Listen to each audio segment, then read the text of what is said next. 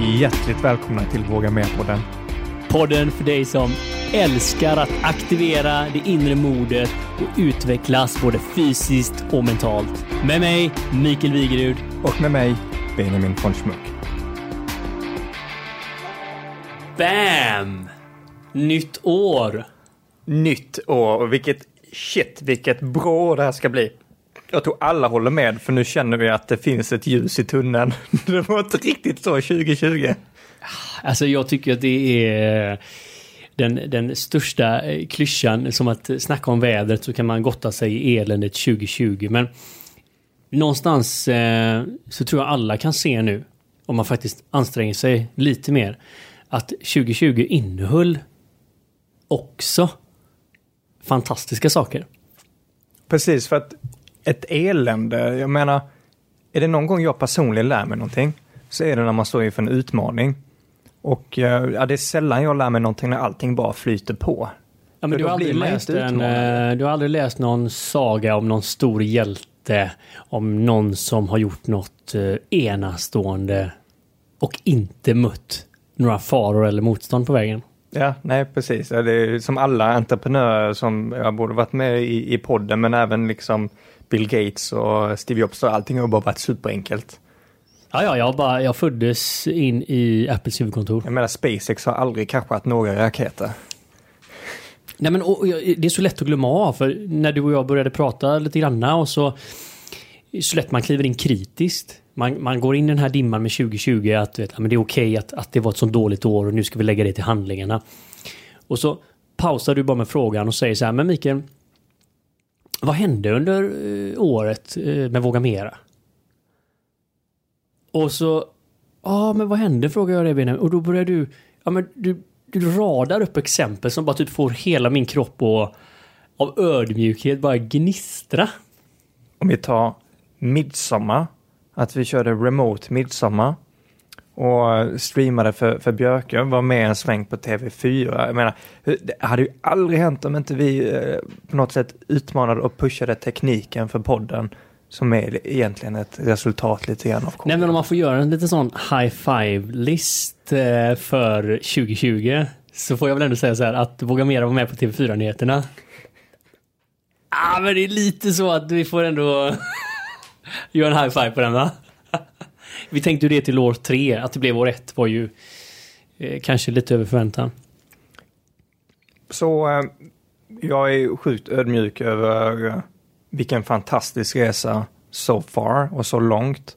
Och eh, faktiskt vilka fina meddelanden vi har fått till eh, Facebook. Man kan ju skicka meddelanden med både förslag och eh, inspiration om andra som man tycker borde vara med i podden. Och vi har också fått eh, personer som har berättat hur podden har påverkat dem. Eh, och vi har en kvinna som jag tänker på just nu som eh, gått ut med att våga söka nytt jobb och ett jobb som kanske inte är lika så här karriärsmässigt, eh, eh lönemässigt och så, men det resonerar med, med vad hon vill med sitt liv och jag tycker det är så kraftigt. Ja, men det är ett sånt satans modigt steg att ta. Uh, när man kanske går från prestige och från lön till uh, något som hjärtat brinner för. Så det tar jag med mig som en liten snabb reflektion och... Ja, och det hänger ju väldigt tydligt ihop med alla sjukt coola och fantastiska människor som Våga Mera fick träffa under förra året. Alltså trots majoriteten av året var pandemi så har ju alltså möten som har förändrat mitt liv blivit av. Både digitalt och faktiskt en hel del i verkligheten. Jag kan bara hålla med. Jag kan bara hålla med. Det, det är ständigt jag tänker på många av de här man kallar det catchlines som har kommit upp i vissa avsnitten. Uh, jaha, men om det här skiter sig, då får jag väl gå och ta ett annat jobb va? Eller att den personen ja, var en riktig rövhatt. Exakt. Och det är en sån jäkla bra påminnelse det här med ett annat jobb. Jag, jag brukar påminna mig om det min mentor. Han sa ju det en gång när jag hade en galen idé på SKF. Eller den var inte så galen men jag ville utmana mitt team till att göra en grej och så. Så sa han, ja men varför gör du inte det Mikael då? Äh, nej men... Eh, så tänk om det inte mottas väl då? Ja, vilka då? Nej men har ledningen. Ja, okej, okay, sa han. Men vad, vad är det värsta som kan hända då? Ja, så är väl att jag blir av med mitt jobb. Så tittar han på mig och bara. Det skulle vara ganska bra eller? jag bara. Va? Utan han har liksom coachat mig till att vara där jag är. Så tittar han på mig. Det skulle vara ganska bra eller? Snackar man att sitta på pottkanten. Ja men det var så jävla... Han var Ja men vadå, vad är problemet då? Du är ung, framåt, du är välutbildad. Liksom, fan, då får du väl, då tar du väl något annat jobb? Men det är det som är så intressant, det du är inne på lite nu, för att jag, jag har aldrig riktigt varit intresserad av stora frågor på det sättet. Jag har ju varit jätteintresserad av biohacking och eh, jag uppnår min bästa potential. Och vi pratar lite grann, för framför oss nu så har vi tre böcker som är just lite grann om filosofi och gamla böcker skrivna av, av, av stora fil filosofer. Och lite grann what is the worst that can happen? Vad är det värsta som kan hända om man förlorar jobbet? Eh, till exempel, eller vad, vad, är det värsta som kan hända om någonting annat inträffar? Ja, men och det är ju det som har varit så jädra påtagligt under året. För att någonstans har ju alla värsta scenarier aktiverats. Helt plötsligt håller alla på att förlora jobbet. Helt plötsligt så håller alla på att dö. Och helt plötsligt håller alla anhöriga på att dö. Alltså, du vet, på något sätt så kommer ju allt det skölja över oss som vi kanske har totalt ignorerat under väldigt lång tid. Ja, de här hygienfaktorerna längst ner i pyramiden, liksom säkerhet och stabilitet har ju bara rubbats. Va? Är jag inte odödlig? Så att det är det som är så intressant för att eh, det är inte så att vi uppmanar med podden att folk ska bli oförsiktiga och, och gå och ha stora fester. Nej, det... Våga mera inte den innebörden riktigt. Men, men det som är intressant är att om man, om man kan frikoppla vissa grejer och inte spendera för mycket mental energi på potentiella problem som har väldigt, väldigt, väldigt, väldigt, väldigt lite chans att hända och eventuellt du inte ens har möjlighet att kunna påverka. Det, det, det är en av mina stora grejer jag ska försöka jobba med med detta året, att liksom på något sätt få lite av de här tankarna i schack. Jag tycker att det här är oerhört spännande, det som du har eh, tagit dig an så här tidigt på året. Och som du uttryckte det på något sätt att välkomna större frågor. Eh, många har ju lärt känna dig under, under poddåret närmare och vet ju också var du kommer ifrån och din analytiska del och din ingenjörsmässiga approach på många saker. Som ja, men, gör mig lite så här, får nästan lite gåshud att se att få följa dig och ta dig an större frågor, vad det betyder. Och hur det faktiskt kan stötta då alla delar av livet. Så att du blir mer framgångsrik och bättre på det du gör och mer harmonisk och man kan ha olika ingångar på det men jag tycker den här harmonin du är inne på där är, är någonting som absolut intresserar mig. Jag, jag hade en, en fin konversation med en, en god vän och, och kollega får jag säga. Och vi pratar just om det här att, att arbeta i, i, i, i förändring, i någonting som hela tiden förändras. Och vi har identifierat, jag har, har varit det senaste tiden, och jag har hela tiden tyckt att jag är jäkligt duktig på att jobba i, i en miljö som förändras konstant. Jag menar, och så reflektera på det och säga, okej okay, men jag kan ju vara väldigt duktig på det för att jag, jag vill förstå och länk, länka ihop alla delar och se till att det finns logik mellan hur de olika affärsbitarna fungerar, det vi säljer och hur vi säljer det. Men samtidigt så ger det mig också en stress att jag går direkt in för att försöka lösa alla problem. Så att eh, det, att jag identifierat att jag är duktig på någonting behöver eh, inte innebära att det gör mig bra. Nej, nej, absolut. Eller gör mig lycklig. Och det, det, den tanken, den är otroligt spännande och någonting som jag ska utforska ytterligare detta året. Du har gjort en liten teaser här nu känner jag att eh, de här tre böckerna som ska guida dig Benjamin. Men jag ska packa på ytterligare böcker. till de större frågorna och eh, ja, men den dimensionen som många av oss kanske inte har tagit in. Kan du inte bara ge oss en liten hint om hur tänker du? Vad är det du ska ta dig an? Vad heter de? Ja, vi får se. Jag har börjat bläddra lite grann och de är inte jättelätt skrivna för det är ju böcker som är några hundra år gamla. Ja, ja, kom, så, kom till, give ja, us some titles man. Ja, du ska få lite, lite titlar. Uh, Beyond Good and Evil av Friedrich uh, Nietzsche. Ja. Eller Nietzsche eller Nietzsche. Nietzsche. Nietzsche. Ja, ja, ja med, med I'm prone to error. Ja, men en uh, tysk, uh, tyska filosofen. Exakt. Medita eller psykologen, jag vet inte riktigt. Det går nog lite hand i hand, ja. men definitivt en filosof. Något av det. Mm. Meditations av Marcus... Uh, Aurelius. Den store romerska kejsaren. Det är det så att Mikael har ju läst mycket av det här redan, så att det är jag som ligger back. Men alla har ju sett Gladiator. Ja. Och sen så The Art of War, på tal om gladiatorer. av Lundzu. The Art of War. Det här är ju tre riktigt klassiska titlar. Men jag kände det också, att det är det, det är det som är lite fräckt, att man faktiskt har de här i sin samling. Och jag har börjat bläddra i dem och det, det jag, jag, jag är också lite tacksam över att de här böckerna har jag köpt nu, det, det är en 2020-utgåva och de har liksom första kapitlet beskriver lite grann vad texterna handlar om. Vi får se om du kommer igenom det kapitlet.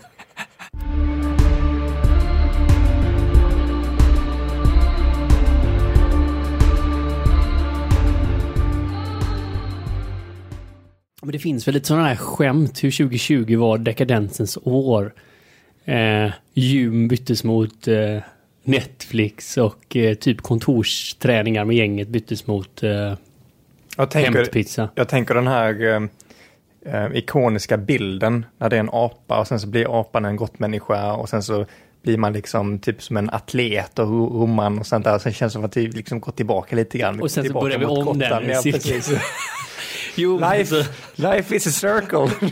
efter tio timmar vid köksbordet utan hur sänkbart skrivbord, kontorsstol så är man ju ett steg närmare grottmänniskan. och du nämnde du varit hos kiropraktorn idag? Jag har varit hos eh, fysioterapeut Fysioterapeut. Rasmus. Han eh, jobbar med postural eh, posturala övningar. Postural workout heter hans eh, Instagramkonto. Okej. Vad är, jag som inte liksom brukar gå på mycket sånt här, vad är skillnaden? Vad, vad innebär det här? Jag skulle nog påstå att han sticker ut. Det, det, är, en, det är en väldigt holistisk syn att, att liksom fixa kroppen, att inte bota symptom. Många gånger så går vi så här, jag har ont i axeln. Ja, men då går vi till någon som jobbar med axeln. Jag har ont i nacken, ja, massage på nacken, stretch på nacken och så. Men ofta är det ett komplext samband. Och det måste jag säga, det var, Rasmus var riktigt, riktigt grym på det. Titta på helheten på kroppen, börja se ja, varför har Mikael ont i höger axel? Han bara, mm, du, din, ditt höftparti här. Eh, fundamentet är inte så bra. Vi har lite begränsad rörlighet här och eh, ja, man ser även på placeringarna på dina ben hur det påverkar.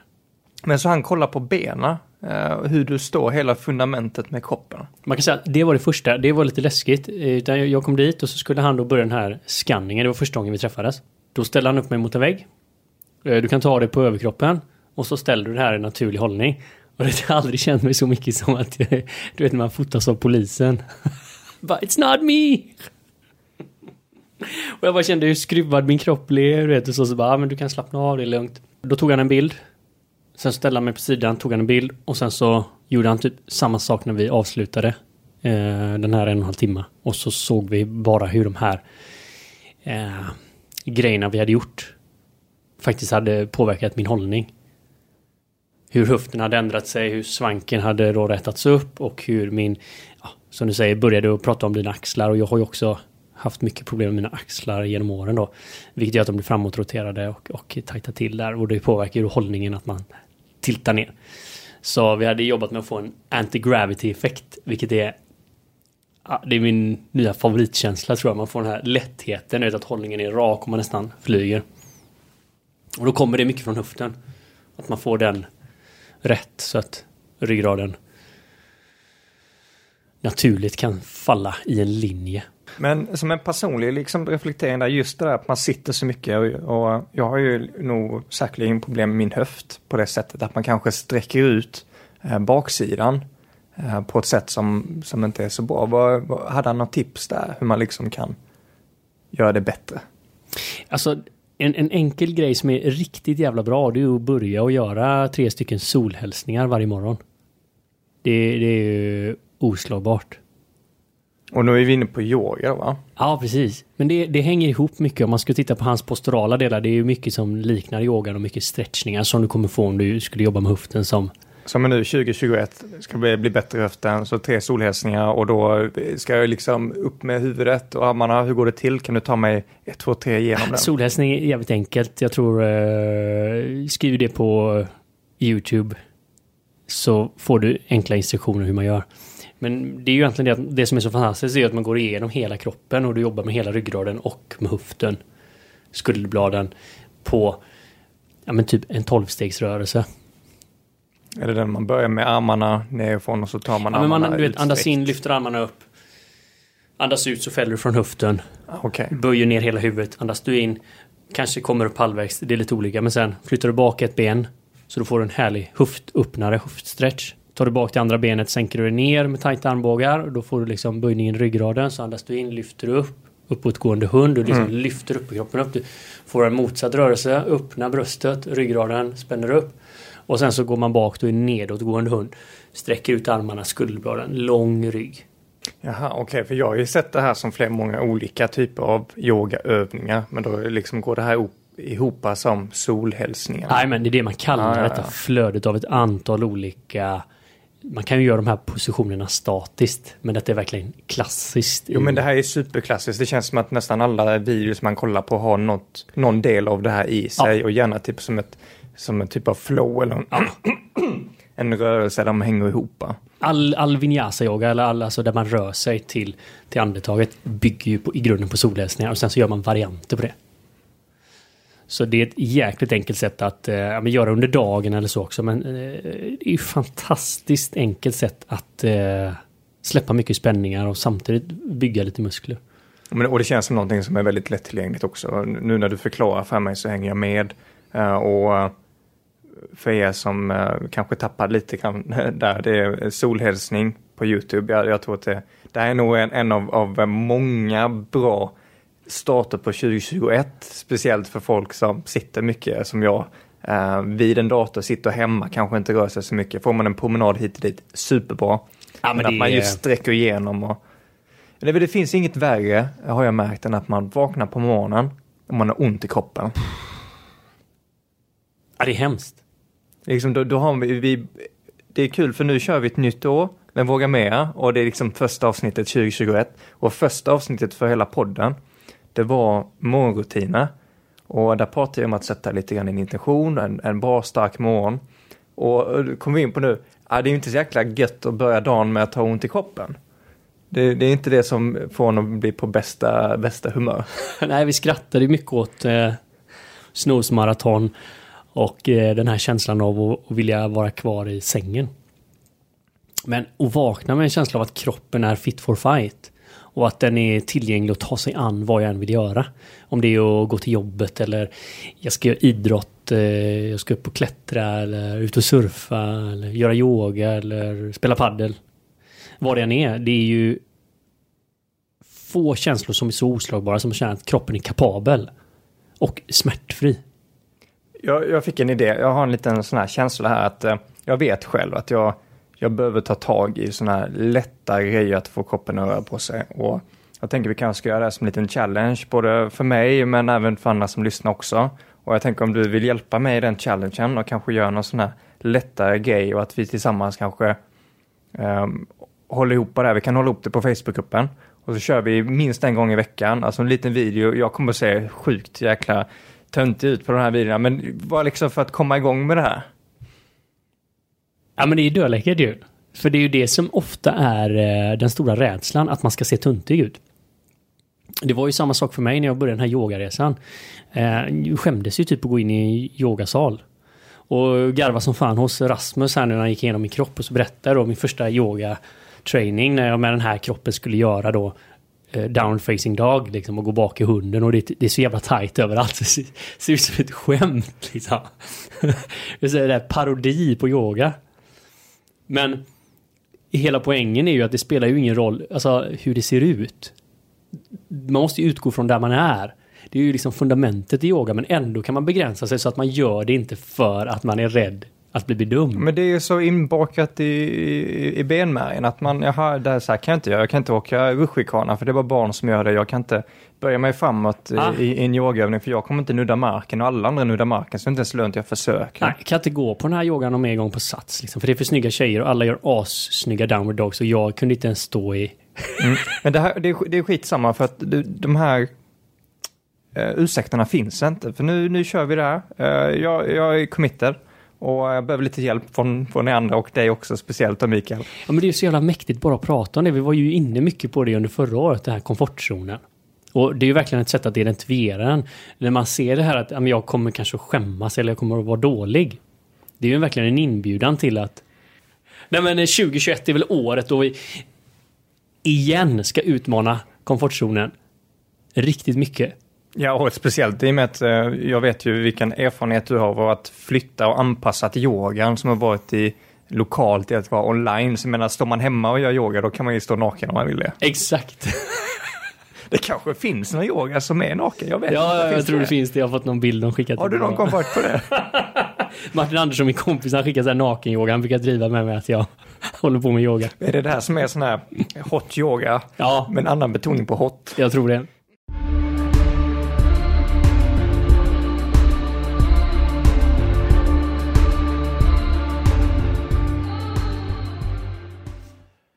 Och, eh, vad ska vi säga egentligen? Så här, det var en fråga jag fick på vägen hit till inspelningen. Så här, ja, men ska ni snacka om nyårsluften? Hur hänger nyårsluften ihop i år och i ett år som är så annorlunda? Jag menar, normalt sett så står vi i kö till gymmen vid det här laget.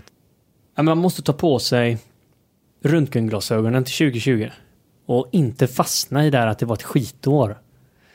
För att det, det, det är jävligt hårt mot sig själv att säga att det var ett skitår och jag vet för alla så finns det ju guldkorn där.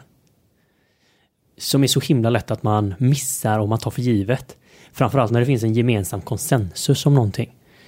Så för mig så var ju 2020 om jag ska titta, jag drev, jag, jag driver två stycken företag och eh, där jag är vd som konsultchef i det bolaget, där hade vi den största krisen någonsin. Eh, Black Friday fick en ny innebörd. Då eh, försvann 60% av alla affärer på en fredag eftermiddag.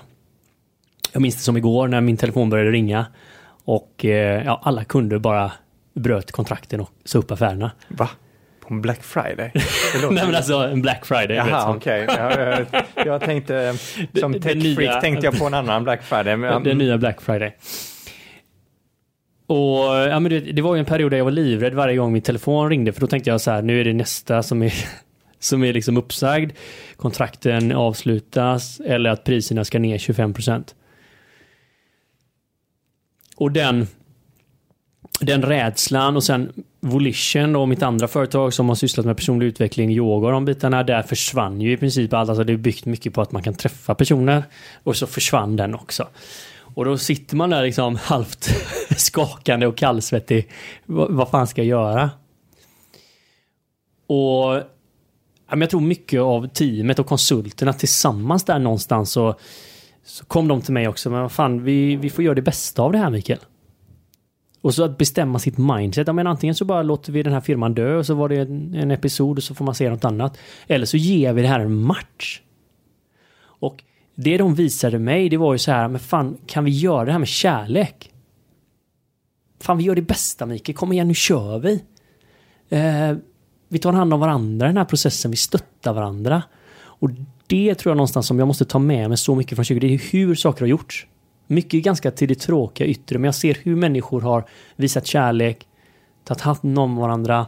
I affärsverksamheter där det ofta har bara gått järnet så har allt vänts upp och ner. Och de har fått se lite vad är det som betyder något och hur kan jag även här som partner, leverantör eller som eh, kund. Hur kan vi hjälpa varandra? För plötsligt satt alla i samma båt. Det blir lite av den här nästan eh, idylliska eh, sagan om att det, eh, det, det finns en tydlig drake och alla vill eh, döda draken. Att man, man går mot det. Och Det, det känner jag också att man, man fick ett, eh, på något sätt, så när man går in i någon typ av kris och det är många som gör det, då blir det så tydligt vad man fokuserar mot. Och det, det kan liksom få ihop folk, det kan också splittra folk. Ja, ja, jo, men alltså det, det är ju ett klassiskt sätt och det ser vi mycket att man skapar en gemensam fiende. Det är ju väldigt populärt i USA eller sånt så va? Det, det har ju en effekt och det är klart att här var det så men det var också en osynlig fiende som kom krypande liksom någonting så va. Så men helt klart bröt ju ett normalmönster. Och jag tror det är viktigt att tänka på nu när alla säger så här, ja men jag vill tillbaka till det normala. Så det är någonstans väldigt få människor skulle jag säga som mår bra av att bara repetera samma saker. Det var ju någonstans det som var problemet innan, att vi inte ville göra samma saker hela tiden. Men så bara hände allt över en natt och kartan ritades om. Men frågan är ju nu, hur, vad är det för nytt som vill ritas? Ska vi liksom bara göra exakt samma saker? Eller ska vi se till att vi blir bättre människor här? Att, att som det här exemplet som, som jag har blivit så sjukt peppad av och där det inte alltid är kanske hur stor är fakturan jag skickar utan en kund som säger Ja, ja, men vi hjälps åt här då. Hur kan vi dra våra gemensamma strå till stacken?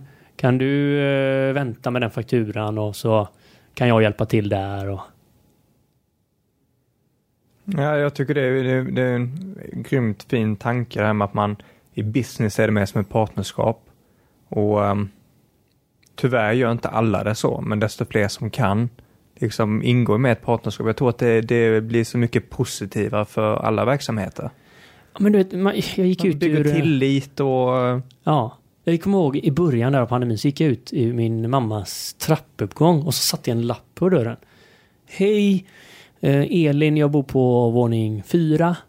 Och eh, jag vill bara säga typ att är det någon här som behöver någon hjälp, eh, hjälp med att handla eller fixa någonting eller bära upp för trapporna eller vad det än må tänkas vara. Så hör av er till mig.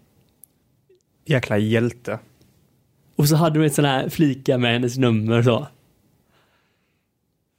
Och i, liksom, i, i tåget av det normala så är min upplevelse i alla fall vi hade inte tid med detta. För allting bara öste på. Och det finns så mycket vi kan göra. Det här är en icke-handling kanske Elin känner för, men jag har bara satt upp en lapp.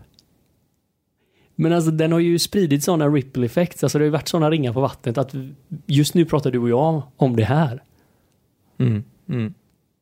Nej, och jag kommer ihåg, alltså, jag har känt att det har varit många som har erbjudit eh, tjänster att hjälpa. Jag var ju sjuk och ja, det, var, det har varit folk som, ja men behöver du hjälp att handla så säg till och så här. Jag har också erbjudit hjälp när någon annan har varit sjuka.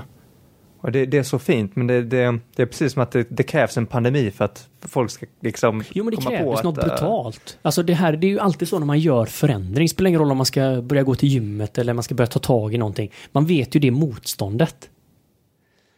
När du ska vrida någonting som har åkt i en riktning länge och så ska du köra lite annorlunda.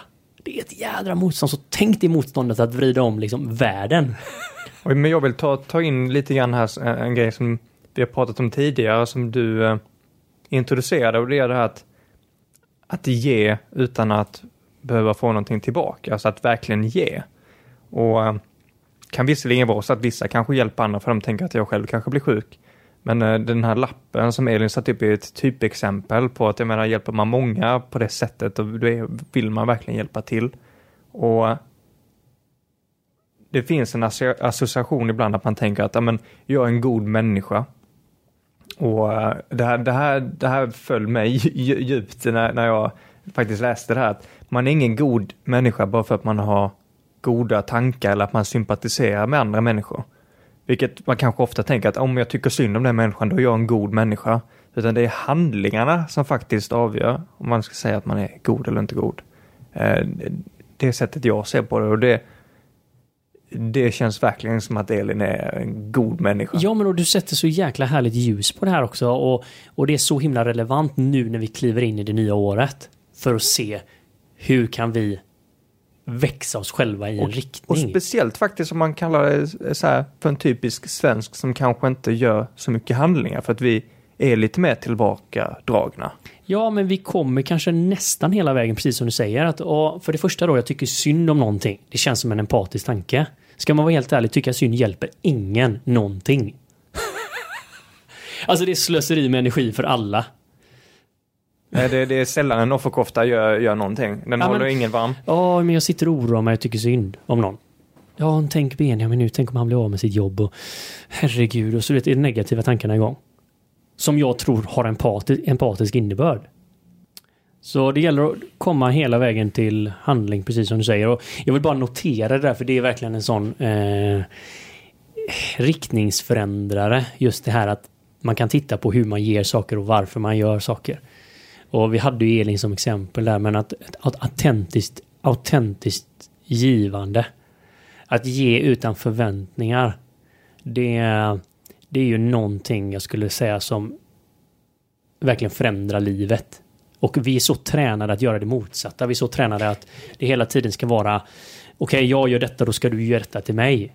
Och det, och det finns ju så mycket, nu, nu, nu ägger du igång mig här på denna sidan, för vi hade ju, förra avsnittet var ju eh, superfokuserat på sälj och liksom, du vet ju... Jo men vi hade ju men- liksom, men, det var sälj och det var mål. Och du vet intresset för det här med, som jag har med psykologi också. Och det, det finns ju så mycket böcker, Mikael, som säger att om du ger en annan person en kopp kaffe så kommer den personen känna att den måste hjälpa dig på något sätt. Kanske ge dig eh, reducerat pris på en faktura eller liknande. Så det är verkligen så ingotat i oss och även lite biologiskt att eh, om jag fällde en mammut så kan inte jag äta upp den mammuten så jag delar det med någon annan. Men med att jag delar det med någon annan så kommer den antagligen dela med till mig nästa gång. Men här säger du att skit i det här i nästan gamla biologiska och tänk effekten av att ge någonting utan att förvänta sig någonting tillbaka. Det är, Ja, men båda är sanna och jag tror att tittar man historiskt sett så var de förmodligen bättre på detta än vad Ja, men- vi, för vi har blivit tränade att tänka detta. Så hela poängen är ju att ja, det är ju stor sannolikhet att det infaller så. Att någon som du har hjälpt och gett kaffe kommer att agera på ett annat sätt tillbaka till dig. Men i ögonblicket du ger det så är det en markant skillnad om du ger det med förväntningar på framtiden. Eller om du ger i det ögonblicket utan förväntningar. Av närvaro, att du hinner att ändra dig själv. Incheckad i ditt hjärta. Du kanske ger från tacksamhet. För att du vill hjälpa till. Eller för att du vill göra någonting gott. Eller för att det känns rätt. Tusen anledningar. nej, jag, jag, håller, jag håller helt med. Men säg så här, jag i en stor del av mitt liv trodde att jag, jag gjorde ju goda handlingar. Men det fanns en bäskhet i intentionen, det bakomliggande. Man har som en liten hemlig bok. Nu har jag gett eh, Benjamin eh, kaffe två gånger. Nästa gång ska han ge mig. Eller restaurang eller, eller whatever. Jag betalade förra gången ju. Fan, undrar om Benjamin kommer betala denna gången. Och så blir det nästan lite beskhet så här, "Ha, ska jag betala en gång till? Ja men det här är, Men det- och det här är- i det- Sverige det här är vi är- som ja. experter på detta och någonstans så tycker jag så här. Det är dags att, det är dags att bryta det för tänk vilket härligt flow det blir. Jag menar, det är väl bättre att säga så annars att vi splittar notan. Än att säga att jag hemligt säger jag tar den idag. Men jag räknar med att då ska någon annan ta den nästa gång. Mm, och så är inte notan samma, För annars kommer jag bli förbannad och... på, på samma belopp. Och, jaha, Och så ska, bara, du shit, ta, ska du ta så dyrt två? Ska vi, ska vi ta en flaska vin denna gången bara för att jag ska betala? Förra gången drack ni vatten. Nej, men jag, jag, jag tycker om den andra biten. Jag tycker om när man, eh, när man, när man bjuder till. Ehm, jag tycker det är jättefint. Ehm, det, det är inte alltid lätt. Precis som du är inne på. Ibland är det kanske lättare bara att Alltså- splitta. Igen, ja men precis, man måste hitta det enkla. Mm. Och gör det som är rätt. Man behöver inte göra på något sätt, men man, det handlar lite om att ta sig från huvudet till hjärtat. Att ta sig från tankar till tacksamhet. Så vi, vi kan avrunda lite, jag håller på med en övning kring detta nu i det nya året och jag tänker vi kan avrunda med den. Det är kanske någon som vill vara med eller ja, hur som helst. Ja, men så vi kan avrunda. Jag, jag kan dela med mig bara om vad jag gör egentligen för att träna detta i år och starta året eh, utifrån eh, Ja, perfekt, nu är vi i starten. positivt och eh, tacksamhet då, som är nära sammankopplade. Så jag håller på med en challenge nu. Eh, 21 dagar där jag inte ska klaga på 21 dagar. Det, det, det är dag fyra nu. Det, ja. Det är intressant hur ofta man kan klaga. Men hur som helst, det går ut egentligen på att ta sig från huvudet och, och komma in i tacksamhet i hjärtat. Och eh, just att inte klaga är ett sätt att notera detta. Så när jag märker mig själv att jag är- är negativt eller att jag har tendenser till att klaga, då så fort som jag upptäcker detta så försöker jag checka in i hjärtat. Och ta då från att säga så här, åh vad tacksam jag är. Alltså ordet har ingen, ingen betydelse överhuvudtaget utan att etablera en känsla av tacksamhet i kroppen. Gör du det med något typ av visuellt stöd eller alltså att du tänker tillbaka på någonting, något minne? Alltså, jag gör det egentligen så enkelt som möjligt men ändå se till att det händer och, och mycket egentligen att flytta uppmärksamheten från huvudet och så flyttar man ner den i regionen. Så man tänker att man, man använder sin uppmärksamhet bara för att fokusera på hjärtat. Och ofta ganska snabbt efter något andetag så brukar man känna hur det liksom sprider sig en, en känsla i kroppen. Om man tänker så här så kan man visualisera någonting man är tacksam över. Ja, för jag kan tycka det här är svårt att fokusera på mitt hjärta. Och det Ja. kanske är andra som är, är lite samma sitt som mig. Så finns det liksom något... Ja, men man något, kan säga så här, något- bröstkorgen då. Något, något sånt här nybörjartips. typ bröstkorgen. Man fokuserar på, om man har en, en logga på eh, tröjan. Så sina nippels. Man bara får uppmärksamhet. Tänk så här, du kan ju fokusera på, kan du flytta din fokus till handen? Kan du tänka dig att jag ska fokusera på vänster hand, funkar det? Jag testar här nu, det är därför det är lite tyst. Jo men det, det, det, det klarar jag. Det funkar. Ja. ja. Och sen är det klart så här, beroende på hur stängt hjärtområdet har varit. Så är det klart att det är lättare eller svårare att ha access till det. Men vi vill ju penetrera den här permafrosten. Det är ju här nyckeln ligger till att liksom växla allting. Det är ju kracka betongen. Så varje gång man gör en sån här incheckning mot hjärtat så kommer det hacka ett litet hål i den här betongen. Det handlar om att ta sig från den hjärnan som sitter innanför pannbenet till också den hjärnan som sitter i den här regionen. Så då, då kan vi säga så här, men säg inte hjärtat då för det låter flummigt. Vi vill bara bröstkorgen. Bara flytta dit, se om du kan känna lungorna. Och se om du kan ha en sak som du kan vara tacksam över just i den här stunden. Och så håller du det där. Och så gör man det så många gånger som det krävs. För det här då att kliva in 21 dagar utan att klaga. Det är ju inte att förtrycka allt klagande bara. Men det handlar om att notera det när du ser det. Jag har ju redan nu dag fyra, jag har ju jag har slått på mig själv några gånger. Jag har varit lite ledsen för jag har låtit bitter några gånger. Och jag har, ja, men jag har nog klagat faktiskt eh, en handfull gånger också. Jag, jag har för mig att du gjorde det här förut också. Ja, jag har gjort liknande grejer, men, mm. men, eh, men den är lite uppväxlad nu och jag tänker tydligare också. Jag hoppas att den är tydlig. För mig är den tydlig i alla fall. Ja, det ska bli superspännande. Jag, jag tänker att vi kan eh, ta tillbaka det här när du är klar för att se vad du, uh, om vi liksom punktar ner lite grann vad du har lärt dig, vad som varit svårt för det här. Redan nu efter dag fyra så känner jag att du delar att det är inte helt lätt. Nej, nej, nej.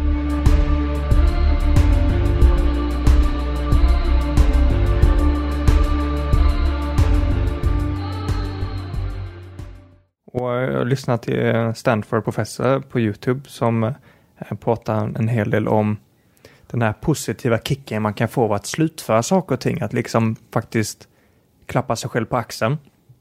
Och han sa ju det att det, det kan bli som, man kan göra det som sin egen drog. Att, att man, man slutför ett arbete. Så att det är någonting jag tar med mig detta året också, att trots att det kanske är just nu ruggigt och man vet att det blir ljusare, vi går mot ljusare tider, att man säger, vad, kan jag göra där jag är idag? och ändå känna att ah, fan, det här var jäkligt bra. Uh, slutföra att till exempel uh, läsa ett kapitel i en bok. Då, då har man, man ger sig en klapp på axeln. Bara att öppna boken för mig uh, ibland det är att ja, men jag har faktiskt läst lite grann idag. En klapp på axeln. Samma sak med jobb. Sätta, okej, okay, vad ska jag göra? Vad är det minsta jag behöver göra för att starta det här och sen så bara komma igång? Ja. Ja, för man bygger ju, du bygger ju en relation till dig själv. Det är det här som är, det är det här magiskt detta exemplet. För att varje gång du gör det så visar du att du kan. Ja, och det han var inne på var också det här med belöningsfaktorer. Att eh, vi har ju lärt oss, och det här, det här tror jag många gör med sina barn, att om barnet har gjort något positivt så ger man någonting som en belöning. Och eh, man på så sätt tränar så att man, man gör rätt beteende. Man fick en glass om man gjort läxan eller någonting. Um, den mest effektiva det är att man ger sig själv en belöning, fast man ger den mentalt. Och då frigörs dopamin i hjärnan och får man det till att bli en positiv loop så gör man mer och mer av det som man själv tycker är produktivt. Det kan vara att man slutför eh, disken till exempel. Och försöker man hålla bort från att ta en öl till exempel som en eh, reward eller som eh, att man har varit duktig det blir så mycket mer effektfullt för att annars så kan man göra tvärtom att man känner att oj, nu har jag varit duktig, nu måste jag ta en öl. Eller nu har jag varit duktig, nu måste jag gör det här för att belöna mig själv. Så det, det, det här tycker jag är så sjukt spännande och på tal om att liksom frigöra lite tankar och, och fokusera. Det här är någonting jag själv personligen ska utforska lite grann också. Ja, det, är, det är döläckert att eh, börja vara accountable, alltså att hålla sig själv ansvarig. Det är ju väldigt lätt att fastna i annat prokrastinerande saker som runt omkring. Men kan man hålla till, till slutförande? Att om jag bestämmer mig nu att jag ska läsa ett kapitel i en bok, då gör jag det. Då får jag se till att hålla fokus och hålla andra saker borta. Och det är klart att när du väl har... Det är som att passera mållinjen på ett lopp. Händerna i luften. Och då tänker jag tillbaka på mycket av det vi har pratat om, Mikael. Det här med att um, att bestraffa sig själv för att man inte gör någonting. Och um, har du något tips på hur man kan minska bestraffningar? Speciellt nu när vi kanske bestraffar oss lite extra. Nu när det är mycket nyårslöften som kommer brytas, det vet vi alla om. Hur kan man minska bestraffningen? Nej men det, det, det är så jävla sorgligt hur fan man gör. Man, man, man bygger orimliga mål i januari. Och sen så börjar man bestraffa sig med att man har gått upp mer i vikt och då är det skitsamma, då kan man äta mer chips och dricka mer öl. Så det gäller att ta makten över detta. Det gäller också att lägga ut banan smart. Så att vi ger oss själva möjligheten att lyckas. Man behöver inte ta de största skutten direkt. Utan vi tänker så här, jag ska göra det här som jag hade gjort det för min bästa vän kanske. Som du var inne på. Små steg. Jag behöver inte säga kanske att jag ska läsa hela boken. Jag ska, säga, jag ska läsa en sida. Idag. Och det ska jag hålla mig själv ansvarig för. Då kommer jag få den goda belöningen. Jag kan dela någonting som jag... eh, Det här, det här är någonting jag eh, gör konstant, eh, som jag måste bli bättre på. Och det är att om jag får en pappersfaktura så brukar den ligga flera dagar innan jag faktiskt betalar den. Jag trodde du är ensam om det. Och, och, och det, det är en sån typisk grej som tar två minuter kanske.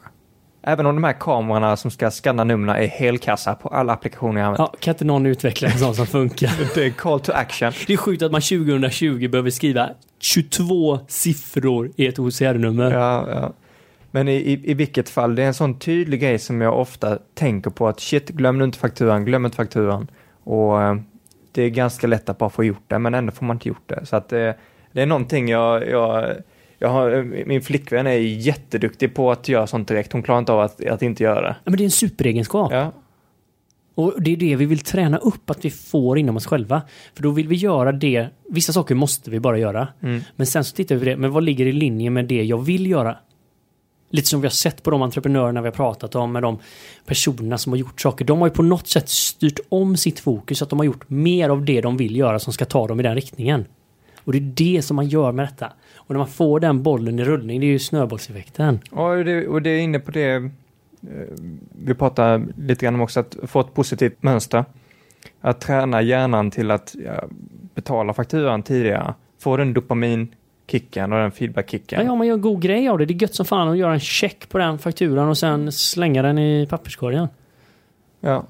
Och nu är det kanske inte så att man måste göra allting direkt. Ibland kan det vara bra att vara tålmodig, men kanske inte när det kommer till betala faktiskt. Nej, men det gäller att hitta den skillnaden där, men man får ju använda exempel för att se det. Eh, men verkligen att bryta det där mönstret av att eh, hålla på och trycka massa negativt på sig själv. Och vi sa ju det innan, det handlar om att kunna checka in i hjärtat, ta sig från huvudet ner.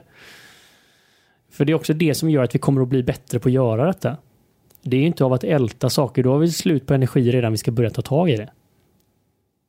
Ta det momentumet när det finns lite, prokrastinera inte då, pang, in, gör det, gå vidare, stäng, Do it. stäng, gå vidare.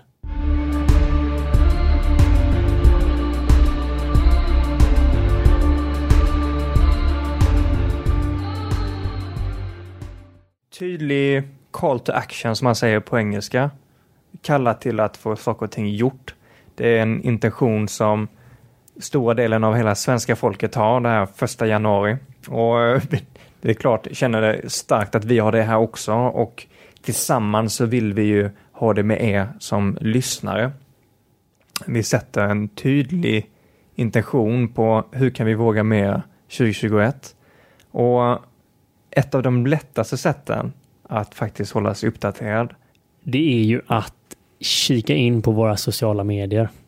Instagram, Facebook, Våga Mera. och vad söker man på då? Man söker på Våga Mera. Är det vaga mera? Är det våga mera? Är det mera våga? För jag vet vad alla ska ha i huvudet och det är våga mera, ska jag våga, mera, Jag våga vågar mera. mera. Jag vågar mera. Hur ska jag våga mera? Ja men det är den stora frågan.